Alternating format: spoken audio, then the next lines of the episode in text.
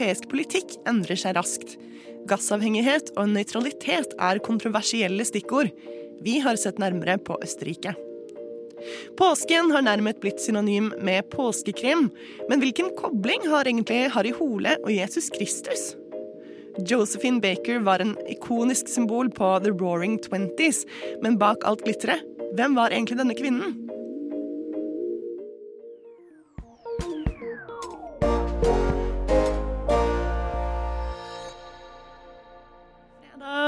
Hjertelig velkommen til denne sendingen av Opplysningen 99,3. Vi sender live her fra Chateau Neuf. Litt forkjøla programleder her, men heldigvis så har jeg med meg to friske kompanjonger. Velkommen til deg, Emma Nordstein. Tusen takk. Og deg, Alexander Ramm. Tusen, tusen takk. Ja, eh, Alex, du hadde med deg noe i dag morges. Ja, vet du hva. Eh, jeg, jo, jeg, jobber jo her på Radio Nova til vanlig, og en av jobbene mine er jo å søke om midler slik at Radio Nova går rundt. Eh, og på døra mi i dag så fikk, lå det en liten pakke. Kunne ikke skjønne hva dette skulle være. Og inni der så hadde jeg fått en gave til hele Radio Nova. Et svært påskeegg fylt med godteri fra Sparebankstiftelsen DNB, som hadde vært veldig fornøyd med at vi hadde sendt søknad, og at vi jobbet for frivillighet i Norge. Så tusen takk til Sparebankstiftelsen DNB, som eh, sendte oss et veldig godt, fint påskeegg i dag tidlig. Ja, og jeg får bare beklage til alle andre enn Åvre, for jeg har allerede tatt fire godteribiter. jeg har tatt et par, jeg faktisk, så her er det bare å sprenge og ta før det blir tomt. ja, eh, Emma, skal du hjem til påsken? Ja, det skal jeg. Det blir ikke helt påske uten å hjem med familien og litt påskeaktiviteter. Det må til. Ja, eh, Vi lyttere kan jo høre på aksenten din holdt jeg på å si, at du er eh, fra Midt-Norge. Hvor lang tid tar det å reise hjem for deg? Eh, med tog seks timer, men tog er insane dyrt nå. Så jeg tar fly, dessverre, for jeg liker veldig godt å ta tog. Det er mye mer avslappende. Men jeg fikk tur-retur for sånn halve prisen, så da ble det fly. Så da går det en time. Ja. Um, jeg tenker at eh, vi skal få opp energien her eh, i studio med en eh, ny låt fra Baklengs Salto. De slapp jo EP forrige fredag. Jeg var så heldig å få være på releasekonserten. Oh, my god! Tok du en forlengssalto? Vet du hva, Så sprek har jeg aldri vært. Jeg, jeg har klart det så vidt på trampoline, sånn når du lander på rumpa, liksom. Ja. Eh, men det var ikke noe trampoline på Salt, Nei. så jeg tok ikke sjansen på det. Der er du business i det, Salt. Få dere trampoline. ja, mens vi her i studio sitter og drømmer om konsertarena med trampoline, så skal du hjemme få kose deg med løpesang. Da fikk du altså baklengs salto med løpesang, og de hadde også fått med seg eh, Jan Post på denne låta. Vi skal ta turen til Østerrike. Vi er jo så heldige at eh, en av våre medlemmer eh, bor der. Um, har dere vært i Østerrike noen gang? Nei, eh, jeg skulle egentlig på en tur til Østerrike med et orkester jeg var med i Bergen. Men dette var på et tidspunkt hvor jeg lå litt bak på studieplanen, så Lånekassen bestemte seg for å si kanskje du skal ta noen studiepoeng før vi velger å satse på deg lenger. Og jeg hadde jo, Kanskje det var bra av Lånekassen å gjøre det, for jeg hadde jo tenkt å bruke pengene på å dra til Østerrike. Eh, så kanskje det var like greit. Men nei, jeg har ikke vært i Østerrike. Men jeg har veldig lyst til å reise dit. Ja, Hva vet du om Østerrike, Emma? Og ekstremt lite. Jeg har aldri vært der, men jeg har ikke noen fremtidig plan om å være heller. Jeg tror liksom Det står ikke øverst på lista mi over plasser jeg har lyst til å dra, men uh, det er spennende å lære mer, tenker jeg. Ja. ja. men da tenker jeg at vi bare kan spisse ørene ja, og høre på hva Benjamin Nordtømme uh, kan rapportere derfra. I lys av Russlands invasjon av Ukraina har nok mange sett en del europakart i det siste. I nettavisene ser vi ofte proffe fremstillinger i kontrast, med Russland og Putin-vennlige stater i forskjellige rødtoner, direkte stilt i motvekt til Natos medlemsland, ofte farget i blått. Det du i så fall ville lagt merke til, og dermed kanskje lurt på, er hvorfor det er noen overraskende unntak i dette blå europeiske havet. Sverige, Finland, Sveits, Irland og Østerrike. Disse landene er av forskjellige historiske grunner såkalt nøytrale stater. De er altså ikke medlem i forsvarsalliansen Nato. I talende stund, vel å merke. Men du hørte meg akkurat si såkalt nøytrale. For å si at de holder seg utenfor det geopolitiske spillet, det er jo ikke helt riktig. La oss ta en nærmere kikk på Østerrike. Jeg er heldig som befinner meg nettopp i det nevnte fjellhøye landet oppe i Alpene, omtrent midt på europakartet sørøst for Tyskland. De siste 77 årene har Østerrike hatt status som permanent nøytral. Og det er nedfelt i selve grunnloven. Jeg studerer her, og til dette innslaget var opprinnelig planen å spørre helt vanlige østerrikere om de visste noe om årsaken. Og konklusjonen min Vel, det er ikke akkurat allmennkunnskap, dette her. Og man skal slite med å få et utbrodert svar sånn helt på rappen. So, in the Austrian constitution, Yeah. it's written that Austria can't uh, be a part of any kind of military alliance. Yeah. Do you do you know why? Do you have any idea why? Maybe because of its history uh, connected to the Third Reich and uh, Adolf Hitler, maybe, and the Nazis. That's I think that's pretty accurate. Yeah. Jeg tok nemlig turen ut for å fortelle det som kanskje er kortversjonen. Like ved her hvor jeg bor, så er det et minnesmerke til de falne under andre verdenskrig. Etter krigen så ble Østerrike delt i fire soner. Den amerikanske, den britiske, den franske og den sovjetiske okkuperte sonen. Ti år etter krigen var over, så hadde de fire tidligere allierte et slags dilemma. Østerrike hadde som kjent vært en del av Adolf Hitlers tredje rike. Landet var derfor å anse som medskyldig i noen av de største forbrytelsene mot menneskeheten i historien. Under forhandlingene kom Sovjetunionen med ett spesifikt krav til en fremtidig østerriksk stat. Før man sendte okkupasjonsstyrkene hjem, skulle Østerrike på egen hånd erklære seg selv evig nøytralt. Hvis du syns dette har en sammenheng med nyligere hendelser, så er det altså ikke første gang maktinnehaverne i Moskva ønsker at sine naboer skal være nøytrale. Men veldig mye i Europa har jo endret seg siden 1955. Østerrikes nærmeste naboer er ikke lenger en del av Moskvas interessesfære. Tsjekkia, Slovakia og Ungarn har tur etter tur stemt om å bli med i Nato. For Østerrikes del, derimot, har man beholdt politikken relativt uendret siden 1955. En av de tydeligste markørene på dette er avhengigheten av russisk-importert gass. Her på rommet jeg sitter, som også er tilfellet i veldig mange østerrikske hjem, så er det en fastmontert varmeovn på den ene veggen. Denne varmeovnen ser litt gammeldags ut, og er nok montert en eller annen gang på 60-tallet. Den er ikke elektrisk, men er drevet av damp som varmes opp nede i kjelleren av russisk gass. Flere land i Europa, som f.eks. Litauen, har tatt i høyde for en total boikott av russisk gass. Men her hvor jeg sitter i Østerrike, virker det som om viljen til å gjøre akkurat det er noe dempet. Utfallet av flere tiår med en Russland-vennlig handelspolitikk har dermed ekte praktiske konsekvenser i 2022. Så gjenstår det bare å se om nøytralitet og gassavhengighet blir utfordret ytterligere i månedene som kommer. Du har hørt et lite vink fra Østerrike. Nå tilbake til studio. Takk for det, Benjamin Nordtømme, som altså var reporter i denne saken. Og lyden var hentet fra Blue Dot Sessions. Sensuelle toner der altså, fra Bård Berg og låta Sushi Easy Girl. Men det som også er rystende, er på en måte at hvor mye av det som i 2011-2012 opplevdes som helt vanvittig, det har liksom gått inn i et slags sånn politisk hverdagsspråk nå. Veldig mange av de holdningene. Radio Novas samfunns- og aktualitetsmagasin gir deg historiene, sakene og debattene andre overser. Aldri redd, alltid balansert. Du hører på Opplysningen 99,3 på Radio Nova. For den faste lytter så har dere kanskje fått med dere at vi har ligget litt grann i dvale de siste ukene.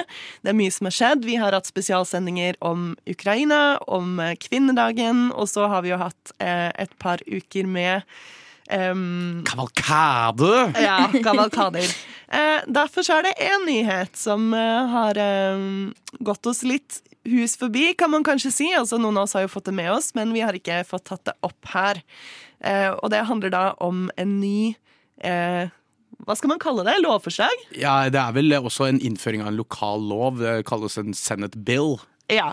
I Florida.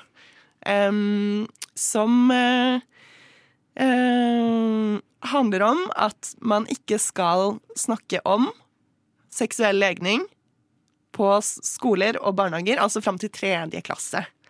Um, og denne um, billen, da, i mangel av bedre ord, uh, har jo eh, fått litt oppmerksomhet eh, blant annet fra noen store, kjente selskaper. Kan ikke du fortelle litt om det, Emma? Jo, det er jo et par som har uttalt seg i USA. En av dem er jo Disney. Uh, de gikk ut eh, og sa at de var imot den loven og ville eller det lovforslaget og ville ha det trukket tilbake eh, fullstendig. Og eh, Disney CEO, Bob Chapek, han fikk litt eh, kritikk i starten for å ikke uttale seg tidligere, altså før lovforslaget liksom eh, ble signert, eller mer alvorlig, da. Um, men Disney skal nå donere fem millioner dollar til organisasjoner som jobber med å beskytte LGBTQI pluss-rettigheter, så det er jo veldig bra. Eh, Apple har òg uttalt seg om loven. Eh, og Apples CEO Tim Cook skrev en tweet eh, at han som da stolt medlem av LGBTQ var veldig bekymra hva denne loven kan gjøre med eh, sårbare unge, som allerede står i en veldig vanskelig situasjon. Eh, forvirrende. Em, og så har det òg kommet en sånn Human Rights Campaign. Eh, de har da en underskriftskampanje som fordømmer anti-LGBTQI pluss-lovgivninga. Um, og her har 45 forskjellige bedrifter skrevet under siste måneden, da mest sannsynlig som en reaksjon på det lovforslaget. Eh, og det er jo veldig fint å se på den lista med bedrifter som har liksom fra A til Z som har skrevet under, men man skulle jo kanskje ønske at folk gjorde mer, da. Men ja, det er spennende å se videre på. Ja, eh, Alexander Det hvite hus har jo også kommet med noen eh, eh, Med sitt synspunkt på saken. Ja, de er, de, For de som har fulgt eh, karrieren til eh, president eh, Joe Biden, så var det ikke gitt på en måte hvordan han ville komme ut om dette. For han har jo en litt sånn røff historikk på akkurat dette med homofilt ekteskap. I 1994 så stemte han jo f.eks. mot å statlig finansiere skoler som underviste om aksept for homoseksualitet. Og i 96 så stemte Joe Biden for noe som ble kalt for Defense of Marriage Act, som stanset statlig anerkjennelse av homoseksuelt ekteskap. Men han har også vært en veldig sånn eh, Han har vært en sånn Mange vil jo si at han har på en måte alltid endret ståsted for å på en måte være litt sånn populistisk. Altså alltid være in flow with the American people, som de sier. Eh, Men han har jo vært en eh, stor kjemper i nyere tid. I 2012 for eksempel, så støttet han jo homoseksuelt ekteskap. Og han feiret jo da eh, Høyesterettsdomstolen gjorde en avgjørelse mot diskriminering av eh, LGBTQI pluss-arbeidere i både jobbsøking og i arbeidsplassen. Eh, Når det kommer til denne eh, billen, da, eh, som, som kalles for Don't Say Gay, men som egentlig heter Parental Rights in Education, som man alltid setter et sånt fint navn på det for at man skal gjemme bak de egentlige intensjonene, så har de kalt det for en hatfull eh, lovgivning. Eh, og han hans pressesekretær eh, har adressert ved spørsmål om det at det er helt klart at Det hvite hus tar full eh, avstand fra denne loven. De kaller den for diskriminerende. De sier at dette er en form for mobbing, og at det er helt horribelt at dette skjer. Og adresserer egentlig at Viktigheten nå er at pressen eh, setter press på de lokale senatspolitikerne i Florida og får dem til å snakke mer om hva er det som egentlig ligger bak her. For det er jo en historikk i Florida med en del eh, politikere som eh, etter hvert som de blir presset på ting, så eh, har de en tendens til å bli litt sure, eh, og da snakker de om hva de egentlig mener med disse tingene. Så de tar fullstendig avstand fra denne loven, og kaller det For å, for å quote pressesekretæren, så sier hun det at eh, This bill would discriminate against families, against kids, put these kids in a position of not getting the support they need at a time where that's exactly what they need. Ja, fordi som du eh, så flott eh, påpekte, Alexander, så heter jo ikke loven Don't Say Gay. Den heter jo Parental Rights in Education. Og nettopp det har jo eh, åpnet for en enda større debatt, egentlig. For det handler jo ikke bare om holdt på å si homospørsmålet. Det handler jo om skal foreldre kunne bestemme hva barn lærer på skolen. Eh, ikke sant? Plutselig så kan jo foreldrene bestemme at nei, nei, vi skal ikke lære om hvordan jorden ble til, fordi vi skal bare følge Bibelen. Ja, altså Hvert land har jo sin måte å drive undervisning på, men uh, mitt ståsted, for eksempel, hvis jeg får lov til å fremme mitt uh, eget ståsted i skolesystemet, så handler jo ikke det å gå på skole og nødvendigvis om alt man lærer uh, direkte, men det handler om hva man som samfunn skal på en måte ha en slags fellestanke om. Og det som er det verste med denne loven, er jo ikke nødvendigvis det at man ikke snakker om eh, Eller at man ikke eh, diskuterer eh, Det er vanskelig å si. Det, det, hva som er på pensum er ikke alltid like viktig. Det viktigste er at du ikke Du bør ikke innføre lover som begrenser hva man kan diskutere i klassen. Fordi at dette her eh, kunne vært f.eks. en sak som en elev selv hadde tatt opp i klasserommet. Og hvis da læreren rett og slett må si nei, vet du hva, jeg har ikke lov til å snakke om dette her, så går man i et skolesystem hvor man vet at ja, det er ikke alle ting man kan snakke om, og det kan begrense flyten av de, spørsmålene som er mulig å adressere i klasserommet. Jeg syns selvfølgelig at dette her er et veldig viktig tema som bør være på eh, timeplanen, og i Norge så vet jeg at vi snakker veldig mye mer nå enn det da jeg gikk på, på eh, hva heter det, grunnskolen. Eh, Men Nei, det er, eh, dette er et inngripen i, i, i skolesystemet, og jeg er helt med på at foreldre kan si hva de mener om hva som bør læres på skolen, men hva de ikke skal lære på skolen, det syns jeg skole, eh, foreldre skal holde seg for gode for. Mm. Og det her har jo også sammenheng med at i USA så har de jo em, Det er litt annerledes der enn her. Lærerne er jo redd for å bli saksøkt, ikke sant? Og derfor så må de bare holde munnen lukket. For hvis et barn da ser to menn holde henne på gata, og så kommer de på skolen, og så spør de læreren du, hvorfor gikk de to mennene og holdt hverandre i hendene? Så må læreren bare si nei, vet du hva, det må du spørre mamma og pappa om, for det kan ikke jeg si noe om. Jeg har aldri opplevd at noen av lærerne mine har sagt noe sånt. Men eh, det var nok om det. Jeg tror vi skal gå videre og høre på litt musikk. Her får du Mallgirl med Poolside Person.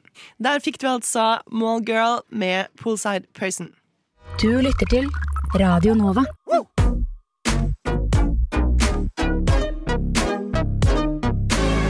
Radio Nova. Studentradioen i Oslo. Radio Nova. Ja. Hva? Nova?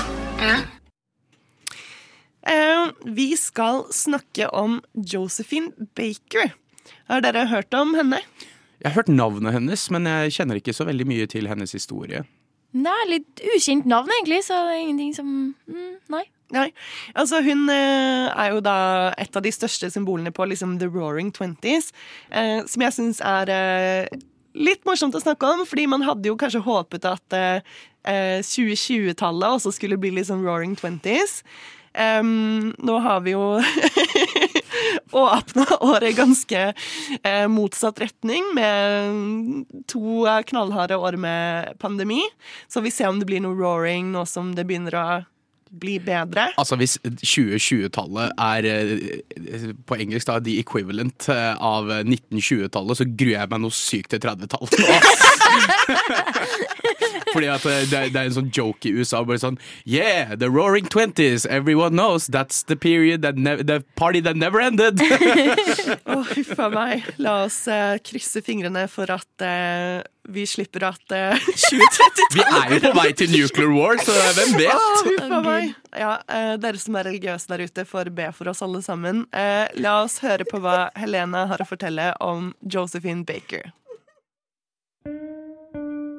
The Roaring Twenties, eller De glade 20-årene, var en periode på 1920-tallet der det var en kraftig oppsving i økonomien etter første verdenskrig, og det var en stor optimisme rundt om i storbyene i Europa og USA. En som ble et veldig kjent symbol på The Roaring Twenties, var Josephine Baker. en afrikansk-amerikansk født fransk underholder som var både en fransk motstandsagent og en borgerrettighetsaktivist. Men hvem var egentlig Josephine Baker før hun ble et så kjent ikon? Josephine Baker var født i St. Louis i Missouri i 1906. Baker var amerikansk-afrikansk opprinnelse og opplevde tidlig segregering i oppveksten. Hun hadde en veldig tøff barndom og valgte å rømme hjemmefra når hun var 13 år gammel. Det var etter da hun hadde reist hjemmefra at hun begynte å lære å danse. Etter flere auditions landet hun endelig en rolle på Broadway, og hun begynte å turnere rundt i USA. Men i 1925, når Baker var 19 år gammel, bestemte hun seg for å reise til Paris, ettersom hun ikke taklet USA lenger. I Paris i Frankrike fikk Baker fort stjernestatus. I løpet av sin tidlige karriere var Baker blant de mest berømte artistene som hadde forestillinger i Paris. En av hennes opptreden i 1927 vakte oppsikt i byen. Kostymet hun brukte under forestillingen, var bestående av kun et kort skjørt med kunstige bananer og et perlekjede. Dette ble et ikonisk bilde og et symbol på både jazztiden og The Roaring Twenties. Showet ble kjempepopulært hos det franske publikummet, og Baker ble fort en av de mest populære og høyest betalte artistene i Europa. I 1936 returnerte Baker til USA for å opptre, i håp om å etablere seg som en artist i hjemlandet også. Men hun ble møtt på en generelt fiendtlig og rasistisk reaksjon, og returnerte raskt til Frankrike, skuffet over hennes mishandling. Da andre verdenskrig brøt ut senere de neste årene, jobbet Baker for Røde Kors under okkupasjonen av Frankrike. Hun underholdt også tropper i både Afrika og Midtøsten, men kanskje viktigst jobbet hun for den franske motstanden. Etter andre verdenskrig i løpet av 1950-årene vendte Baker ofte tilbake til USA for å gi sin støtte til The Civil Rights Movement. Hun deltok i demonstrasjoner og boikottet segregerte klubber og konsertsteder. Og i 1963 deltok Baker sammen med Martin Luther King jr. i The March on Washington. Hun var også en av de som holdt en tale den dagen. Og dette var noe hun sa i talen hennes. Jeg har gått inn i konger og dronningers palasser og inn i hus til presidenter og mye mer. Men jeg kunne ikke gå inn på et hotell i Amerika og få en kaffe, og det gjorde meg sint. Og når jeg blir sint, vet du at jeg åpner den store munnen min. Pass på, for når Josephine åpner munnen, hører de det over hele verden. Etter at Martin Luther King jr. ble drept, spurte enken hans, Coretta Scott King, Josephine Baker om hun ville ta over ektemannens plass som leder av The Civil Rights Movement. Etter en stund over å ha tenkt over det, bestemte Baker seg for å takke nei, ettersom hun mente at barna hennes var for unge til å miste moren sin. Etter Bakers død i 1975 var det flere enn 20 000 som deltok i begravelsen hennes i Paris. Hun hadde gjort et stort inntrykk på veldig mange, og som senest nå i 2021 ble hun hedret med å bli begravet i Pantheon. Det er bare de mest ærede historiske skikkelsene som får lov til det. Baker ble dermed den første svarte kvinnen til å bli begravet der og for nasjonens høyeste utmerkelse.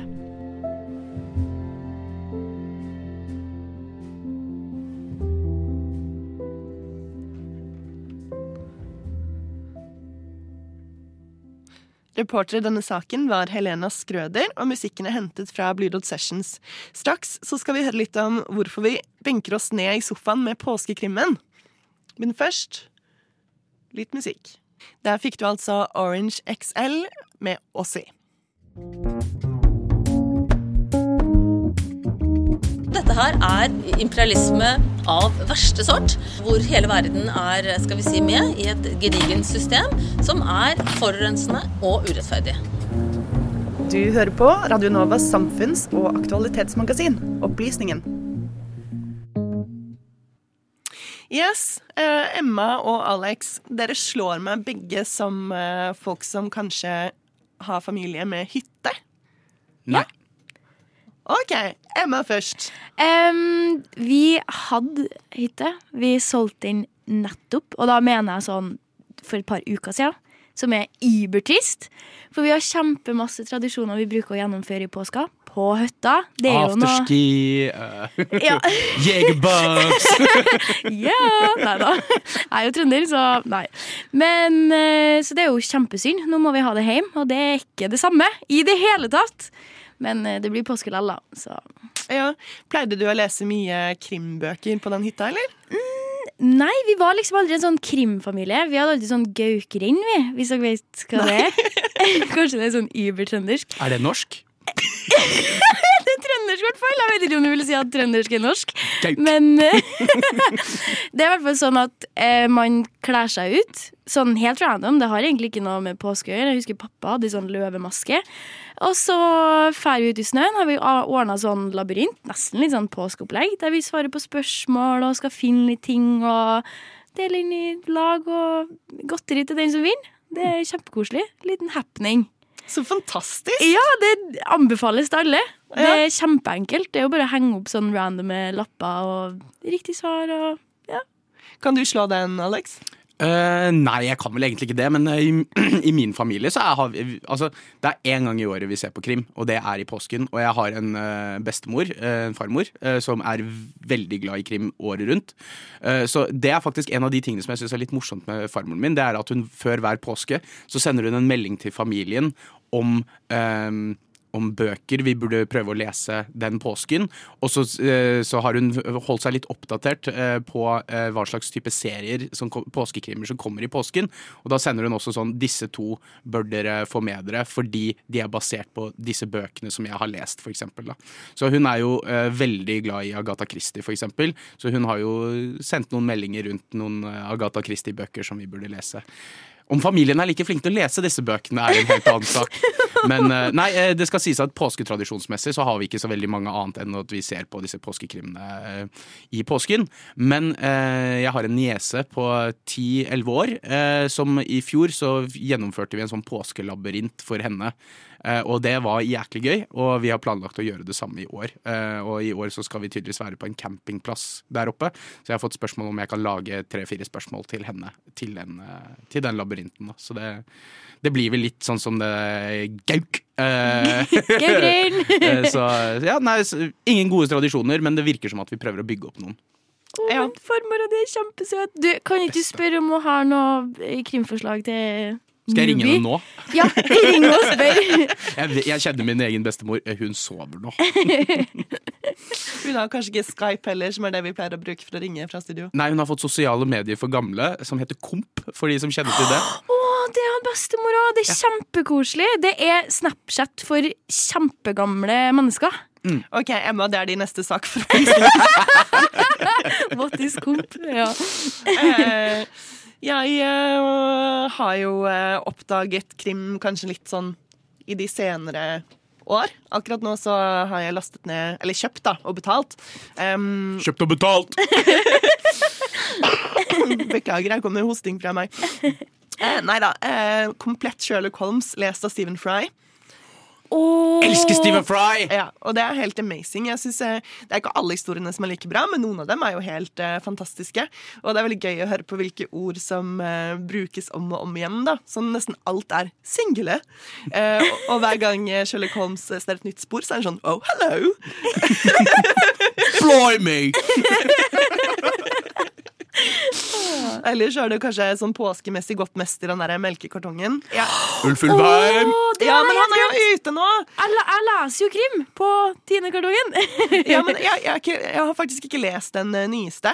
Jeg tror jeg har svaret. Mm, så Jeg syns de i hvert fall skulle hatt én til med Ulf Ulvheim, og så viste det seg at morderen var Senterpartiet, for nå har de skutt ungen. Takk for meg.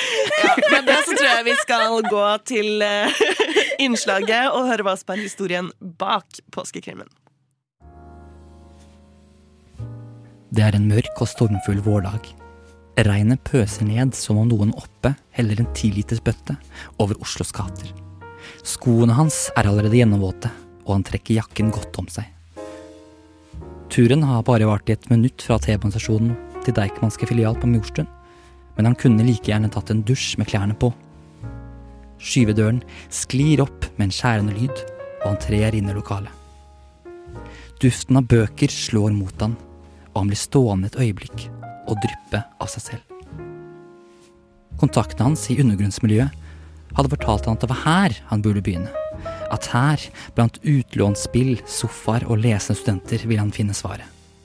En ung, blond bibliotekar strever mot han. Han beveger seg fort innover i lokalet for å unngå den ubehagelige samtalen som vil følge. Så ser han det. Det han leter etter. Tre paller er stablet oppå hverandre, og en laminert lapp henger over. God påske, står det, med gule bokstaver og en grell tegning av et påskeegg over. På pallen ligger de, det han har lett etter. En hel haug med krimbøker. Takk, Ingar. Vær så god. Jeg veit hva du tenker. Var ikke det en litt vel dramatisk måte å introdusere en sak på? Og jo, jeg er for så vidt enig. Men det er en litt rar greie, det her. Hvordan krim har blitt nærmest synonymt med påska. Akkurat som jula og pepperkaker eller 17. mai og altfor trange sko. Vi finner krimmen overalt i påskehøytiden. Den dukker opp på lydbøker fra Radioteatret. Den entrer TV-skjermen gjennom Poirot og Sherlock Holmes. Den dukker til og med opp på melkekartongen. Og sist, men ikke minst, vi får den i bokformat. Men hvorfor? Når ble påsken krimbøkenes høytid? Dette finner jeg ikke ut av aleine. Eller jeg kunne sikkert gjort det, men det høres ut som mye arbeid. Så istedenfor setter jeg meg ned med Robin Frøyen fra Nova-programmene Lobbyen og Eventyrtimen. Og spør du, får du svaret. Ja, jeg vil si jeg har peiling på krim. For hva har egentlig William Wisting, Cato Isaksen og Harry Hole med påska å gjøre? Svaret det er faktisk akkurat det du skulle tro. Nei, hva de har med påska? Strengt tatt ingen, ingenting, sånn egentlig. Sånn, om vi skal være helt realistiske, så har det veldig lite med Jesu oppstandelse å gjøre. Det har jo det. Så påskekrimmen har altså egentlig ingenting med påska å gjøre. Det er egentlig bare et ganske sært norsk fenomen. Eller er det et særnorsk fenomen? Vi leser utrolig mye påskekrim, og det som er litt gøy når man googler litt rundt og blir litt kjent med fenomenet påskekrim, er at man oppdager at det er et særnorsk fenomen. Vi driver bare med det i Norge. Fordi det er som Robin sier, vi leser mye krim, vi skriver mye krim, og norsk krim leses flittig. Det sier kanskje sitt når bøkene til regenten av norsk krim, Jon Nesbø, har blitt oversatt til over 50 språk og solgt over 50 millioner eksemplarer over hele verden. Og ikke minst at det har ført til at Nesbø ikke bare er norsk krims statsoverhode, men også den mestselgende norske forfatteren gjennom tidene. Men hva er det egentlig med nordmenn og krim? Hvorfor er vi så opphengt i det hele? Og det kan være flere grunner til det. Noen påstår at det er fordi det er så trygt å bo i Norge. At vi har det så fint og, og rolig til hverdags at vi tenner litt på den her eh, død og fordervelse-biten. Eh, at vi må føle at vi lever litt, på en måte. Men, eh, men jo, nei, det stemmer at krim har en helt egen rolle i Skandinavia kontra andre steder. Men tilbake til påskekrimmen. Hvor kommer den egentlig fra? Det hele stammer fra et PR-stunt fra 1923. Nei, det stemmer. Det er egentlig en innmari kul historie bak eh, påskekrimmen. hvert fall, altså Det kan jo godt hende at påskekrimmen begynte å bli en greie før dette skjedde, men når man snakker om myten om påskekrimmen, så er det gjerne en spesiell hendelse som får kred for påskekrimmen. Og det er en bok som kom ut i 1923. Da var det nemlig slik at uh, forfatterne uh, Eller forfatteren jo, uh, Jonathan Jerv, han ble kalt det. Det var jo et pseudonym. Det var jo egentlig Nordahl Grieg og Nils Lie, så litt mer kjente navn, som skrev en spenningsbok. Og den het 'Bergenstoget plyndret i natt'. Så det de gjorde som sitt PR-stunt, var at de slo det opp på forsida av Aftenposten 26.3.1923 i store bokstaver 'Bergenstoget plyndret i natt'. Og det hadde en litt annen virkning enn det kanskje ville hatt i dag. For i dag så hadde nok folk skjønt at ah, her er det kanskje en annonse. Det hadde vært en sånn liten annonseknapp. Men når du trykker det på en avis i 1923, det fins ikke internett, og folk har så vidt eh, liksom, hørt fenomenet telefon, så blir folk innmari forvirra. Så det tok jo skikkelig av. Eh, Aftenposten ble nedringt av folk som lurte på hva i all verden som hadde skjedd med Bergensbanen, og gikk det an å dra til Bergen i påska, og det var fullt eh, kaos. Uh, og så var det bare et reklamestunt for denne spenningsromanen. Og siden da så har påske og spenningsromaner gått hånd i hånd. Så skal det legges til at dette kanskje ikke er et 100% nyansert bilde. Andre faktorer kan spille inn, som det faktum at vi i Norge har en ganske lang påskeferie. Eller det at krimmen i Norge allerede sto sterkt før 1923. På tross av dette attribueres fortsatt påskekrimmens suksess til PR-stemte i 1923.